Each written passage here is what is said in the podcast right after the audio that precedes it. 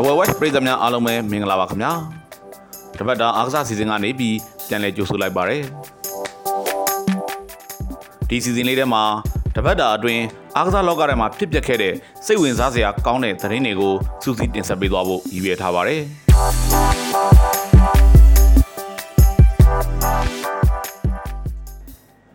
ပထမဆုံးတင်ဆက်ပေးခြင်းတဲ့သတင်းကတော့ချန်ပီယံလိပြိုင်ပွဲသမိုင်းမှာသုံးပွဲဆက်တိုက်ပယ်နယ်တီကာကွယ်နိုင်တဲ့ပထမဆုံးဂိုးသမားထွက်ပေါ်လာခဲ့ပြီဆိုတဲ့သတင်းပါပဲ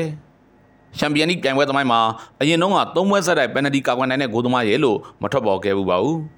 အခုတော့ချန်ပီယံလိပွဲစဉ်သုံးပွဲဆက်တိုက်ပယ်နယ်တီကာကွယ်နိုင်တဲ့ပထမဆုံးဂိုးသမားထွက်ပေါ်လာခဲ့ပါပြီသူကတော့ပေါ်တိုဂိုးသမားဒီယိုဂိုကော့စတာပဲဖြစ်ပါတယ်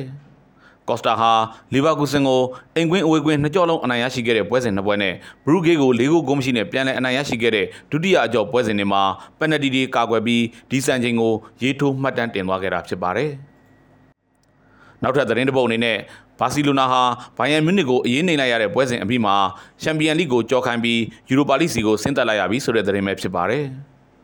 ဘာစီလိုနာဟာဘိုင်ယန်မြူးနစ်ကို3ဂိုးဂိုးမရှိနဲ့ရေးနှိမ်လိုက်ရတဲ့ချန်ပီယံလိအုပ်စုပွဲစဉ်ဒုတိယအကြော့ပြီးမှာချန်ပီယံလိကိုကြော်ခိုင်းပြီးယူရိုပါလိစီကိုဆင်းကစားရဖို့ဖြစ်သွားခဲ့ပြီပဲဖြစ်ပါတယ်။ယူရိုပါလိကိုရောက်ရှိလာတဲ့ဘာစီလိုနာကိုချန်ပီယံဖြစ်နိုင်ခြေသတ်မှတ်ချက်ကတော့24ရာခိုင်နှုန်းလို့သိရှိရပါတယ်။နောက်ထပ်သတင်းတစ်ပုဒ်အနေနဲ့ဘာစီလိုနာနဲ့ဘိုင်ယန်မြူးနစ်တို့ရဲ့ချန်ပီယံလိထိပ်တိုက်တွေ့ဆုံမှုနောက်ဆုံး၅ချိန်မှာဘာစီလိုနာကအထိနာခဲ့ရတဲ့အကြောင်းကိုတင်ဆက်ပေးသွားဖို့ရှိနေပါတယ်။ ဘာစီလိုနာနဲ့ဘိုင်ယန်မြူနစ်တို့ရဲ့ချန်ပီယံလိထိပ်တိုက်တွေ့ဆုံမှုနောက်ဆုံး၅ချိန်မှာဘာစီလိုနာကအယမ်းမဲ့အထိနာလုံးခဲ့ပါတယ်။တိတိကျကျပြောရရင်အရှုံးကြီးရှုံးခဲ့ရတဲ့အနေအထားတွေဖြစ်ပါတယ်။အဲ့ဒီပွဲစဉ်၅ပွဲမှာဘိုင်ယန်မြူနစ်ဘက်ကနေဘာစီလိုနာဘက်ကို16ဂိုးအထိသွင်းယူခဲ့ပြီးဘာစီလိုနာဘက်ကနေဘိုင်ယန်မြူနစ်ဘက်ကိုပြန်သွင်းနိုင်ခဲ့တဲ့သွင်းဂိုးအရေအတွက်ဆိုလို့2ဂိုးတည်းသာရှိခဲ့ပါတယ်။နောက်ထပ်သတင်းတစ်ပုဒ်အနေနဲ့ဘာစီလိုနာနဲ့တွေ့ဆုံမှုတွေမှာစံချိန်မှတ်တမ်းကောင်းတွေရေးထိုးစိုက်ထူလိုက်နေတဲ့ဘိုင်ယန်မြူနစ်နီးပြနာကျင်မန်းဆယ်အကြောင်းကိုတင်ဆက်ပေးသွားဖို့ရှိနေပါတယ်။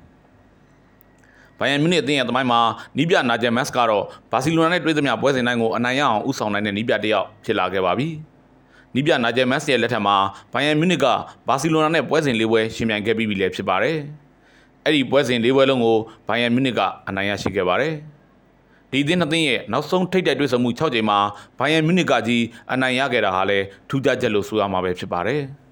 နောက်ထပ်သတင်းတစ်ပုဒ်အနေနဲ့ Sporting Lisbon ကိုအင်ကွင်းမှာလက်ခံကစားခဲ့ရတဲ့ Champions League အုပ်စုပွဲစဉ်မှာစပါးဘက်ကိုဂိုးသွင်းယူခဲ့တဲ့ Sporting Lisbon ကစားသမားကစပါး Academy ထွက်ကစားသမားလေးဖြစ်တယ်ဆိုတာကိုတင်ဆက်ပေးသွားဖို့ရှိနေပါတယ်။ Sporting Lisbon ကိုအင်ကွင်းမှာလက်ခံကစားခဲ့ရတဲ့ Champions League အုပ်စုပွဲစဉ်ကိုစပါးကတေရလက်နဲ့သာကျင်းပလိုက်ရပါတယ်။ဒီပွဲမှာစပါးဘက်ကိုဂိုးသွင်းယူသွားခဲ့တဲ့ Sporting Lisbon ကစားသမားလေးက Marcus Edward ပါပဲ။ထူးခြားချက်ကတော့ဒီကစားသမားလေးဟာ Spa Academy ထွက်ကစားသမားတစ်ယောက်ဖြစ်နေတာပဲဖြစ်ပါတယ်။ သူဟာစပါအကယ်ဒမီထက်ကစားသမားဖြစ်ပေမဲ့စပါအသင်းမှာနေရာရဖို့ခက်ခဲနေလို့ Sporting Lisbon စီကိုပြောင်းရွှေ့ရောက်ရှိသွားခဲ့တာပဲဖြစ်ပါတယ်။အခုတော့အသင်းဟောင်းကိုအက်ဒဝါကဂိုးသွင်းယူသွားခဲ့ပြီဖြစ်ပါတယ်။နောက်ထပ်သတင်းတစ်ပုဒ်အနေနဲ့အာဆင်နယ်အသင်းရဲ့ထူးခြားဖြစ်စဉ်မှတ်တမ်းလေးကိုတင်ဆက်ပေးခြင်းပါတယ်။တိတိကျကျပြောရရင်အာဆင်နယ်အမျိုးသမီးအသင်းရေးထိုးစိုက်ထူလိုက်နိုင်တဲ့မှတ်တမ်းသတင်းပဲဖြစ်ပါတယ်။အာဆင်နယ်အမျိုးသားအသင်းဟာပရီးမီးယားလိအမှတ်ပေးစရာကိုဦးဆောင်လို့နေပါတယ်။ အဲ့လိုပဲအမျိုးသမီးပရီးမီးယားလိဂ်မှာလည်းအမှတ်ပေးစရာကိုဥဆောင်နေတဲ့အသင်းကအာဆင်နယ်ပဲဖြစ်ပါတယ်ဒီနေရာမှာထူးခြားချက်တစ်ခုရှိနေပါတယ်အဲ့လိုထူးခြားချက်စံချိန်ကိုရေးထိုးစိုက်ထူလိုက်နိုင်တာကအာဆင်နယ်အမျိုးသမီးအသင်းပါပဲအာဆင်နယ်အမျိုးသမီးအသင်းဟာဆယ်ပွဲဆက်တိုက်အနိုင်ရလဒ်ကိုရအောင်နိုင်တဲ့ပထမဆုံးအသင်းဖြစ်အမျိုးသမီးပရီးမီးယားလိဂ်ပြိုင်ပွဲမှာစံချိန်ရေးထိုးလိုက်တာပါဒါဟာအာဆင်နယ်အမျိုးသမီးအသင်းအတွက်တကယ့်ကိုဂုဏ်ယူစရာကောင်းတဲ့မှတ်တမ်းတစ်ခုလည်းဖြစ်ပါတယ်။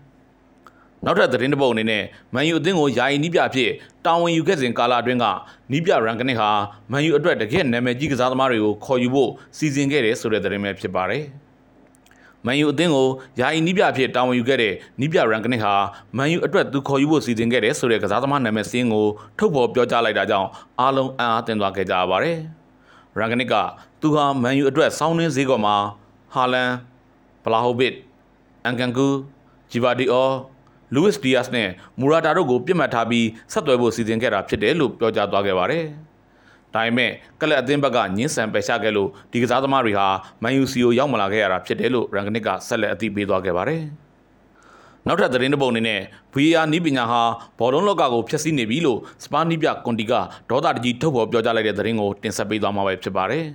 ။ VAR နီးပညာဟာဘော်လုံးလောကကြီးကိုဖျက်ဆီးနေတာလို့စပါနီးပြကွန်တီကထုတ်ဖော်ပြောကြားလိုက်ပါတယ်။ နီးပြကွန်တီဟာစပါးနဲ့စပေါ်တင်လစ်ဘွန်တို့တစ်ဖက်တစ်ကိုးစီတည်ကြခဲ့တဲ့ချန်ပီယံလိပွဲစဉ်မှာပွဲပြီးခါနီးနာကျင်အချိန်မို့အတွင်းသူ့အသင်းဘက်ကတိုက်စစ်မှုဟယ်ရီကိန်းသွင်းယူသွားတဲ့ဂိုးကိုဘူရီယာကြည့်ပြီးပယ်ဖျက်လိုက်တာကြောင့်ဒေါသပေါက်ကွဲနေပါတယ်အဲ့ဒီဖြစ်စဉ်နဲ့ပတ်သက်ပြီးဇော်ရကတက်ခဲ့လို့နီးပြကွန်တီဟာအနီကပ်ပြတာထုတ်ပယ်တာကိုလည်းခံယူခဲ့ရပါတယ် VAR ဟာဘောလုံးလောကကိုဖျက်ဆီးနေတဲ့အပြင်တရားမျှတမှုကင်းမဲ့တဲ့လုပ်ရက်တွေကိုလည်းဖော်ဆောင်နေပြီလို့ကွန်တီကပြောကြားသွားခဲ့ပါတယ်။ဒါကတော့ ဒီတစ်ပတ်အားကစားလောကတွေကထူးခြားသတင်းဖြစ်စဉ်မှတ်တမ်းတွေပဲဖြစ်ပါတယ်။နောက်ထပ်ဆက်လက်ပြီး Doi Watch ပြည်သက်တွေအတွက်တပတ်တာပွဲကြိုကဏ္ဍကိုလည်းဆက်လက်တင်ဆက်ပေးသွားဖို့ရှိပါသေးတယ်ခင်ဗျာ။